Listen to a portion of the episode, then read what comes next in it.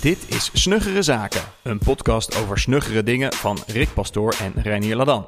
Elke week bespreken we een snugger ding, zodat wij, maar vooral ook jullie, onze luisteraars, er snuggerder van worden. Begin je week goed met Snuggere Zaken. Hey Renier, Hey, hallo Rick. we gaan het hebben over een artikel met als titel How to Grow Old. Ja? Eh, is geschreven door Bertrand Russell. Eh, en dan zeg je dat waarschijnlijk niks, maar het was best wel een, eh, best wel een baas, want hij was namelijk eh, het is een Brit. Eh, was een Brit, hij is al een tijdje overleden.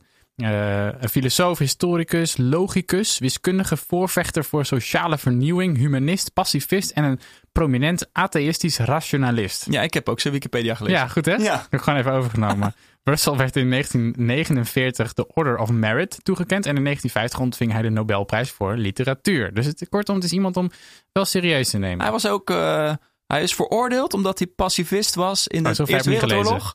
Ja, ik weet niet of hij veroordeeld was of vastgezeten heeft, maar hij heeft in ieder geval geweigerd om het leger in te gaan tijdens Wereldoorlog 1. en daarom, ook wel een basisactie. ja, en daarom hebben wij nu zijn het, nou ja, hè, dat is wel even ons deel van het continent wat eh, bevrijd Nee, maar in. Wereldoorlog 1 waren, was er geen eh, slechte partij, om het zo maar even te zeggen. Dat was allemaal een beetje shady. Kijk, hij heeft zelf ook gezegd over Wereldoorlog 2, dat was het beste van de twee kwaden om toch Nazi-Duitsland aan te vallen. Hmm. Dat was een veel duidelijker verhaal, Wereldoorlog 2. Wereldoorlog 1 was het een beetje grijs gebied. Hmm. Maar daar luister jij over in eh, Dan Carnes Hardcore History. Ja. Iets voor een andere podcast. Ja, inderdaad. Ja, ja. Dit gaat alle kanten op. Er, eh, in ieder geval, we gaan het hebben over dit artikel. Want wat ik er tof aan vond, het is een heel kort stukje. Het is eigenlijk meer een soort memo. Hè, het is best wel kort, maar het is heel, heel erg eh, compact. En hij eh, heeft eigenlijk, ehm, en daar opent hij ook mee, hij zegt eh, van nou, dit eh, artikel heeft als titel How to Grow Old. Maar eigenlijk is het eigenlijk ja, hoe je niet oud moet worden. Ja, Dus ik gelijk al flauw. Vind ik eigenlijk wel, nee, ik vind eigenlijk wel, vond ik eigenlijk wel leuk. Nou, dus Vind je dat leuk? nou, ik vond het een mooi en wijs stuk. En er waren een paar dingen in die, we, die me wel eh, triggerden. Het, is niet, vond ik, het is niet per se een heel helder betoog met één punt waar hij naartoe werkt. En dat je dan weet, nou, zo moet het of zo moet het wel of niet. Maar hij had een aantal gedachten over. Eh, die zetten me aan het denken. Dus daar ga ik, eh, wil ik even een paar van, eh, van noemen. Nou, moet je maar even vertellen wat je ervan vindt. Bijvoorbeeld, wat ik heel leuk vind, is dat hij, eh Pappunt heeft het over zijn oma. En dan ehm, gaat, hij, gaat een beetje vertellen over die oma. En die, nou, die is heel lang heel, heel erg druk geweest. En Padpunt kon ze dus niet slapen. Ehm, en dan is ze al 80. En dan leest zij midden in de nacht leest zij populair wetenschappelijke boeken. En hij zegt daarover, volgens mij had zij, zij was eigenlijk een persoon die niet de tijd had om te zien dat ze ouder werd. Hè, en, dat is, Ja. ehm, eh, en volgens hem is dat een aanwijzing voor een goed leven. En, en dan zegt hij dus van, nou, eh, hij geeft hij als advies mee.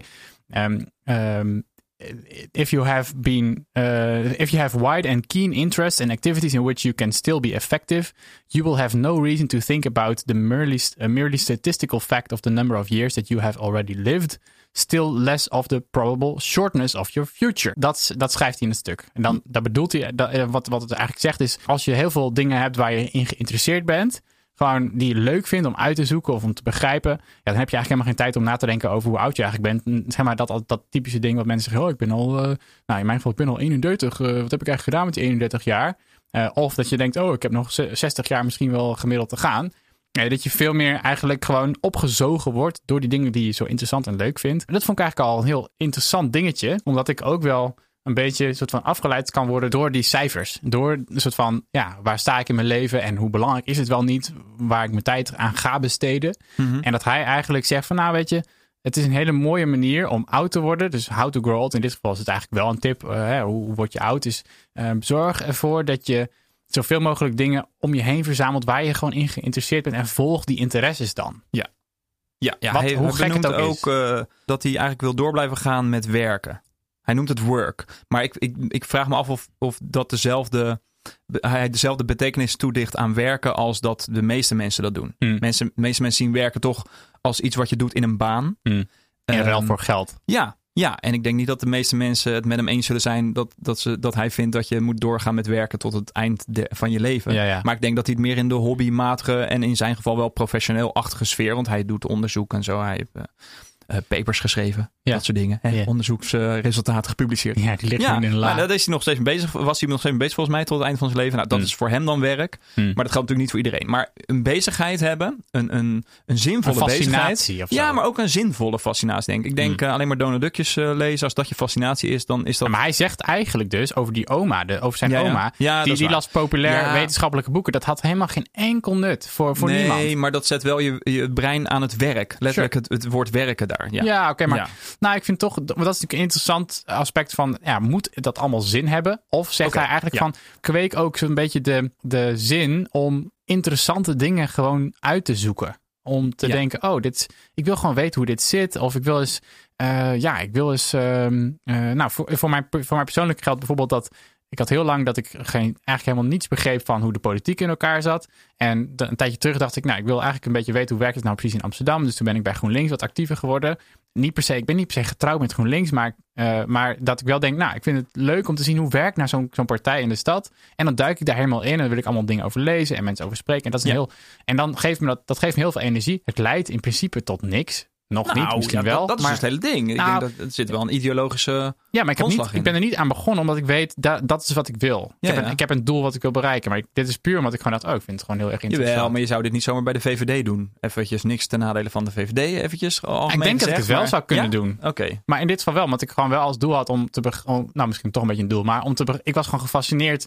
Mensen eh, in mijn bubbeltje Ja. zeggen allemaal van nou politiek, ja geen idee, eh, Ja, het duurt ja. allemaal lang, traag, krijg niks voor elkaar, gedoe. Dus ik weet ook niks vanaf. Nou, en dus toen dacht ik, oké, maar als ik dat nou wil onderzoeken, nou, hoe doe ik dat? Fascinatie. Hij zegt dus, meneer Bertrand zegt, dit is wat je moet doen. Zorg voor fascinaties. En dat is een hele mooie manier om oud te worden. Dat Ja. je gefascineerd bent. Dus dat is dan eigenlijk het van concrete uitkomst van, nou, zorg ervoor dat je, ja, dat je die fascinaties niet gewoon aan de kant duwt van, ja, dat is Ja. belachelijk of onzin.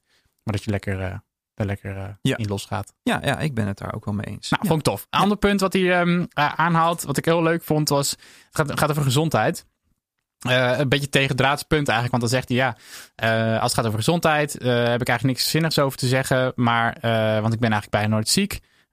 Ik eet en drink wat ik wil. Ik slaap als ik niet meer wakker kan blijven. Ja. En eh, ik doe eigenlijk niks wat, wat per se is vanuit gezond blijven. Maar eh, eigenlijk, als ik dan het helemaal plat sla, dan zijn alle dingen die ik doe wel een soort van, ja, eh, in grote lijnen goed. Ja, maar hij beschrijft ook vooraf al gelijk dat hoe je oud moet worden is eh, zoek de juiste voorouders uit. Natuurlijk Ja. is dat een soort grapje, maar Ja. je hebt, het zit ook in je genen natuurlijk. Als jouw voorouders al oud zijn geworden, en dat was in zijn geval, behalve zijn ouders, maar hij heeft wel allemaal opa's en oma's die best wel oud zijn geworden. Ja. Ja, dan word je, als je een beetje normaal doet, word je ook vanzelf wel zo oud. Ja. Eh, heb je even een grote kans op. Hè? Laten we niet. eh, Hmm. Het kan natuurlijk altijd eh, misgaan. Ja. Dus ik denk ook wel dat hij gezegend is met een goed stel genen, waardoor hij dit ook kan doen. Gewoon Nee, lekker eten wat hij wil en lekker drinken wat hij wil. En lekker laat naar bed gaan als hij moe wordt. Ja, dat is ook wel zo. Maar ik, Ja. ik, ik vond het wel. En het schuurt natuurlijk een beetje met het, het gangbare advies van deze tijd. Namelijk eh, zorg dat je dat allemaal optimaliseert. En dat je, Ja. en dat je, dat, dat je een schuldgevoel krijgt aangepraat als je dingen doet die een beetje out of the ordinary zijn. Maar ik, vind, ik vond het wel een interessante gedachte van wat nou als je dat is, als we dat met, met z'n allen iets meer los zouden laten. En natuurlijk als je bepaalde keuzes maakt of vanwege klimaat of eh, dierenwelzijn, dan volg je dat. Ja. Maar, eh, of dan, dan neem je dat serieus. Maar als het zo heel erg excessief gaat over van wat per se goed is voor jezelf, denk ik dat dat het soort van het beste advies eh, in moderation en zorg voor weinig excessen. Ja. Eh, dat je een heel eind in de goede richting bent en dan kost het je ook niet eens zo heel veel energie, zeg maar. Dan de, de, nou, vond daarom vond ik het eigenlijk wel lekker grounded soort van advies. Ja, Eh, ik heb het toch rood gemarkeerd hoor. Zie Oh, ik hier mijn wat betekent dat? Nou, I eat and drink whatever I like. Ja, ik weet niet of dat een algemeen goed advies is, toch? Hmm. Ja. Maar wat hij daarna zegt van the things I like doing are mostly wholesome. Toen dacht ik van, oh, oké, dan Nou, hij denkt er wel over na, dus op een bepaalde manier. Het is Ja. niet he- helemaal van I eat and drink whatever I like. Elke dag als ik langs de McDonald's kom, stop ik er een euroknaller in. Ja. Ja, goed. Eh, dus dat, eh, dat vond ik interessant. En dan zijn er daarna eigenlijk nog twee eh, punten die hij maakt als het gaat over wat zijn nou gevaren als het gaat over oud worden. En de eerste is ehm, dat, dat, dat je eigenlijk moet voorkomen dat je opgezogen wordt door het verleden. Dus dat, dat, dat kun je natuurlijk wel eens zien bij oude mensen. Dat je denkt, ja, die zitten gewoon, die zijn alleen maar bezig met wat er in het verleden allemaal gebeurd is. Wat, Ja. wat hij dan ook schetst is, het is logisch. Want ja, eh, eh, eh, de, dat, dat, dat, dat verleden krijgt, een, krijgt een, een steeds groter gewicht. Want je hebt nou eenmaal meer verleden dan toekomst. Ja, ja. Maar het heeft gewoon niet zo heel veel zin. En dat vond ik eigenlijk wel een mooie link met, met, stoi, met stoïcijns leven. Is eh, dat, dat, niet heel veel zin heeft om verdrietig te zijn over alles wat er in het verleden gebeurd is. Of ehm, ja, dat je verdrietig bent over, over vrienden die zijn overleden. Of, en hij zegt dan eigenlijk, nou, je gedachten zouden gericht moeten zijn op de toekomst. Eh, en, belangrijk, eh, naar dingen waar je iets aan kan doen. Waarbij je het gevoel van, nou, daar, daar kan ik zelf richting aan geven. Dat vind ik eigenlijk sowieso een goed advies. Of je nou al oud bent of dat je nog in de dat is altijd bent. een goed advies. Ja, alleen maar je zorgen maken over de dingen waar je ook echt iets aan kan bijdragen. Ja, is zo. Maar ik vond wel mooi de, uh, de toevoeging dat het steeds moeilijker wordt. En dat we eigenlijk voor ons natuurlijk moeilijk om dat nu te zien, omdat we gewoon relatief jong zijn. Ja, maar dat uh, ja, jonge goden. Ja, ja maar, als je, maar als je ouder wordt, dan krijgt het verleden ja. steeds meer gewicht. Ik zag laatst ook een filmpje volgens mij van Casey Neistat. Dat had er een soort van dingetje van gemaakt. Een driehoekje waarbij hij zei, ja, hoe ouder je bent, hoe groter het, het uitzicht wordt op het verleden. Want je hebt steeds meer dingen waar je naar terugkijkt. En waarvan je, waarvan je kan denken, oh, daar ben ik trots op. Of dit was heftig. Dit niet. En waardoor het ook automatisch bijna meer van je... Uh, waarbij, waardoor het steeds meer energie kost om te zeggen, nou, ik ga daar niet naar kijken. Dus ik snap eigenlijk, uh, daardoor dacht ik van, nou, uh, het is misschien moeilijker dan wij nu denken om niet, terug te, niet steeds terug te kijken. Ja, als de geschiedenisboom groeit. En op een gegeven moment kan je niet meer om die geschiedenisboom nou heen ja, kijken. Dan, wordt het, ja. dat, dan, dan kan ik me dat wel iets meer voorstellen. Maar goed, dat is het, het eerste uh, punt van advies. Van, nou, zorg ervoor dat je naar de, meer naar de toekomst kijkt. Uh, en dat kun je wel nu al oefenen. Hè, dat je meer naar de toekomst kijkt dan naar wat er allemaal verleden gebeurd is. En uh, richt je dan op de dingen waar je echt iets aan kan doen. Ja, ik ben, ik ben sowieso van nature heel erg juist een toekomst kijken. En kijk amper naar het verleden. Maar ik denk dus ook ik moet moeite doen om juist wel naar het verleden te kijken. En dat Hmm. moet ik ook af en toe doen. Om te reflecteren op dingen die ik heb gedaan. Al is het maar vorige week of, of een maand geleden. Hmm. Um, en dat heeft me, dus de, het doen van een jaarreview heeft me daar wel heel erg in geholpen. Hmm. Dus het hoeft niet elke dag. Je hoeft niet elke dag je zorgen te maken over wat heb je gedaan. Ja. Maar een paar keer stilstaan is nog steeds best wel uh, waardevol. Ja. Nou, ik denk ook dat, ik denk dat hij dat ook ergens wel toestaat in de vorm Ja. waar hij er opschrijft van um, een undue absorption in the past. Dus het soort van overdreven ge, uh, opgeslokt worden. Ja, natuurlijk. nou, dus het, een, Als je geneigd bent om heel erg naar het verleden te kijken, dan moet je daar misschien iets aan doen. Ja. Ja, ja. Nou, en dan het tweede ding is, dat die, vond ik ook wel interessant, dat, je, dat, uh, dat het een heel, negatieve, een heel negatief effect heeft als je ouder wordt, dat je je aan de, je, aan de jeugd vastklampt. Ja, hier gaat het ook echt om je kinderen. Ja, maar ja, ja precies. Ja, Ja. Dus, ja het, was, het had inderdaad wel wel een, een nadruk op kinderen, maar ik kan me voorstellen dat het niet per se alleen maar ge, ge- verbonden is met je eigen kinderen. Dat je dat ook in het algemeen wel zou kunnen doen. Dat je de hoop vestigt op de jeugd. Maar hij, hij benadrukt wel echt inderdaad your, ch- your children. Ja. Ehm, als, je, als jouw enige doel is dat je kinderen opgroeien. Eh, eh, en dat, jij, dat je vervolgens zij leven zoals jij dat wil, zodat jij trots kunt zijn op wat ze doen. En dat je daar een soort van levensvreugde uit had. Dan zegt hij van ja, als je zo, zo geïnteresseerd bent, blijft in het leven van je kinderen zoals ze jong waren. Hè, zoals, zoals wij nu met onze jonge kinderen Mhm. van dag tot dag bezig zijn met hoe gaat het met ze, wat zijn ze aan het doen, wat eten ze, hoe slapen ze. Zeg maar nou, dat zal voor mij met, de, met, een jong, met de jongste nog wat intensiever zijn dan al met, jou, die, met jouw kinderen die ietsje ouder zijn. Dan word je gewoon een last als je dat blijft doen. Ja, dus, zeker. ja. Eh, en er zijn mensen die dat doen en dat is eh, natuurlijk mateloos, eh, mateloos eh, Ja. eh, eh, irritant. Ja. Ehm, en hij zegt dus, nou, je- je interesses met je, met je kinderen zouden meer contemplatief moeten zijn. Eh, en als het mogelijk is, filantropisch. Eh, maar niet eh, gewoon ongereguleerd emotioneel. Nou, ik vond het wel echt, ja, ik vond het Ja. wel vet. Ik had het nog nooit zo. Ja. ehm, Maar hij geeft ook aan dat dat eigenlijk de natuurlijke gang van zaken is. In, de, in de natuur zie je heel vaak dat ouders van kleine dieren, of en ja, hè, nou, kan je wel zo zeggen, ouders van kleine dieren, die kijken op een gegeven moment als de dieren volwassen zijn geworden. En dat is vaak al na stil zo'n paar maanden of na een paar jaar Ja, bij dieren. ja. Dan kijken ze niet meer naar die kinderen om. ja. Ja. En dus dat is wel, want dan heb je eigenlijk al je doel voorbracht. Ja. Ja. Ja, eens. En dat is, maar, dat, maar ik denk dat dit een heel, ook een heel moeilijk advies is. Ik bedoel, dit is, dit, dit- ik kan me wel voorstellen heel dat het lastig iets. is. Ja. Dat, Ja. je, dat je zodra misschien dat je inderdaad makkelijker als je naar de toekomst kijkt, dat je denkt, ja, eh, weet je wel, eh, laat maar gaan of zo. Of, eh, maar ehm, hij zegt dan eigenlijk, eh, nou dan gaan we richting de, richting de afronding daarvan. Maar hij zegt eigenlijk van, nou wat zou je dan in de plaats daarvan kunnen doen? En ook als je richting het einde van je leven gaat, hoe kun je er nou voor zorgen dat je, dat je daar dan eh, plezier in blijft houden? En dat je dan dat je een open blik eh, blijft houden. En, en, en hij zegt dan eigenlijk van nou, het zou mooi zijn dat je leven eigenlijk eh, als, het, als het leven afloopt, eh, dat het overvloeit in de wereld. En dat het niet een heel abrupt eind is in de massa. En Heeft hij en- ook hier de metafoor dan van die rivier? Is Ja. dat hier? Ja, Ja, ja, Dat je ja. begint als een klein riviertje, kolkend en Precies. met watervallen. En uiteindelijk mond je uit in een delta zoals Nederland. Precies. Dat zegt hij niet letterlijk, maar Nee. zo zie ik dat voor me in een polder. oh, in de polder, ja. Ja. Zou ook in Egypte kunnen zijn, maar ja. Ja, dat is waar. Ja. Eh, ja, ja, ja. Eh, nou ja, dus de, precies. En daar, en daar gaat het. En dan heeft hij het over without any visible break. Eh, hè, dan gaat het gewoon over in de zee. Ja. En dan zonder pijn verliest het, het, eh, het individu. Dus dan, ja, dan gaat, het helemaal, eh, gaat het helemaal over. En, dat, en hij zegt dan van. ehm, eh, nou, dus. ah, de, of de manier waarop je dat kan doen is dat je interesses steeds breder worden en, meer, en minder persoonlijk. Uh, zodat ja, jou, jou als, jij als persoon, je Ja. ego steeds minder centraal staat.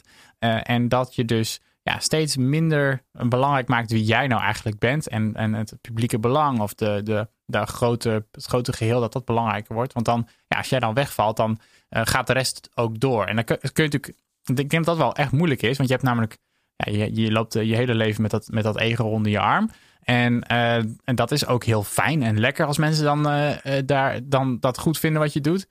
Um, maar als je daar zo aan vast blijft houden, dan wordt het afscheid nemen natuurlijk heel zwaar.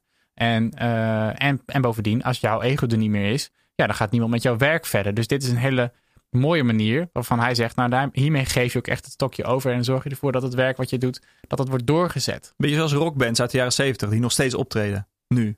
Ja, zoals? Kiss. Oh ja. Of uh, ja, ja, ja, ja. Golden Earring, die dan uh, bu buiten het podium met een, uh, met een zuurstofmasker op, weer opgelapt moet worden. Ja, wat ik wel nog dacht is, ik ben de laatste tijd best wel gewoon onder indruk van, van uh, onze vriend Bill Gates. Daarvan zou je kunnen zeggen dat die nog steeds als persoon best wel centraal staat, maar ook wel echt heel actief bezig is. Want hoe zou hij dan zijn organisatie uh, in staat kunnen stellen. Ik, ik, ik, kan me zo voorstellen dat hij dat doet. Dat hij een soort van plan heeft met: oké, okay, als ik er niet meer ben, dan gaat het zo en zo. Ja, maar hij is nu hele... wel heel erg nog steeds het gezicht. En je zou ja. kunnen zeggen: van als hij dat heel effectief wil doen, dan, dan zou hij bijna al moeten zorgen. Zou je misschien nu al meer bezig moeten zijn met wie wordt zometeen het publieke gezicht. En dat zie ik hem nu nog niet zo doen. Nou ja, dus daar mo moest ik een beetje over nadenken van... hey, ja. hij is ook zo effectief omdat hij het gezicht is. Maar volgens deze theorie zou je misschien moeten zeggen van... hey, ga nu al een beetje meer naar de achtergrond. Nou goed, ja. dus ik vond het... En wat uh, Ja, heb je hier nu... uh, nee, dat is een afsluitende vraag denk ik. En wat heb je hier nu van geleerd wat je nu toepast... uh, al op je huidige staat van zijn of leven? Kijk, ik, ik ben nog niet helemaal zover om af, afscheid te nemen van mijn, van, van mijn uh, hè, om op te gaan in de massa. Ja. Maar ik vond dat vooral een heel mooi, mooi manier om je leven in te richten. Want ik, ik, ik zeg zelf heel vaak van hè, piek op je tachtigste. Dus werk niet, niet door naar dat je nu al succesvol moet zijn. Je hebt, nou, als het al allemaal ja. mee zit, heb je gewoon nog heel veel tijd. Ja, en okay. richt dat goed in. Dat heb je in je hoofd ook echt. Ik ga pieken op mijn tachtigste. Nou, kijk, het is, heel, het is heel ontspannen daardoor. Want dat betekent dat ja, het hoeft allemaal niet nu. Dus dat is heel lekker. ja. Maar, maar nu ik dit heb gelezen, denk ik, ja, dit perspectief van, oké, dan piek je misschien wel. Maar dan is wel de vraag van hoe gaat dat dan op in de massa? Dus dat is Ja. een leuke soort van toevoeging. Maar het echte ding wat ik meeneem is dat het volgen van die, ehm, van die interesses, dat dat ehm, een hele fijne manier is om eh, een soort van de anti, een soort tegenovergestelde van zeggen, ja, je moet minder naar het verleden kijken. Oké, dat is heel moeilijk. Een beetje zo van, denk niet aan, de, aan de witte ijsbeer. Of wat zeg je dan altijd? Paarse ja, niet olifant. de olifant. Of, eh, ja, gewoon niet aan de olifant. aan iets wat je Maakt dan, niet uit. Ja, maakt Ja. niet uit. En dat denk je dan wel. Maar juist om te zeggen, van, wat moet je dan wel doen? Nou, volg gewoon die interesses. En dat Ja. is wel een advies wat ik eh, bij deze weer, eh, Ja. weer extra te hard neem. Wat ook gewoon heel leuk is om te doen. Dit was Snuggere Zaken. Wil je meer weten over Snuggere Zaken? Ga dan naar snuggerezaken.nl. Tot volgende week.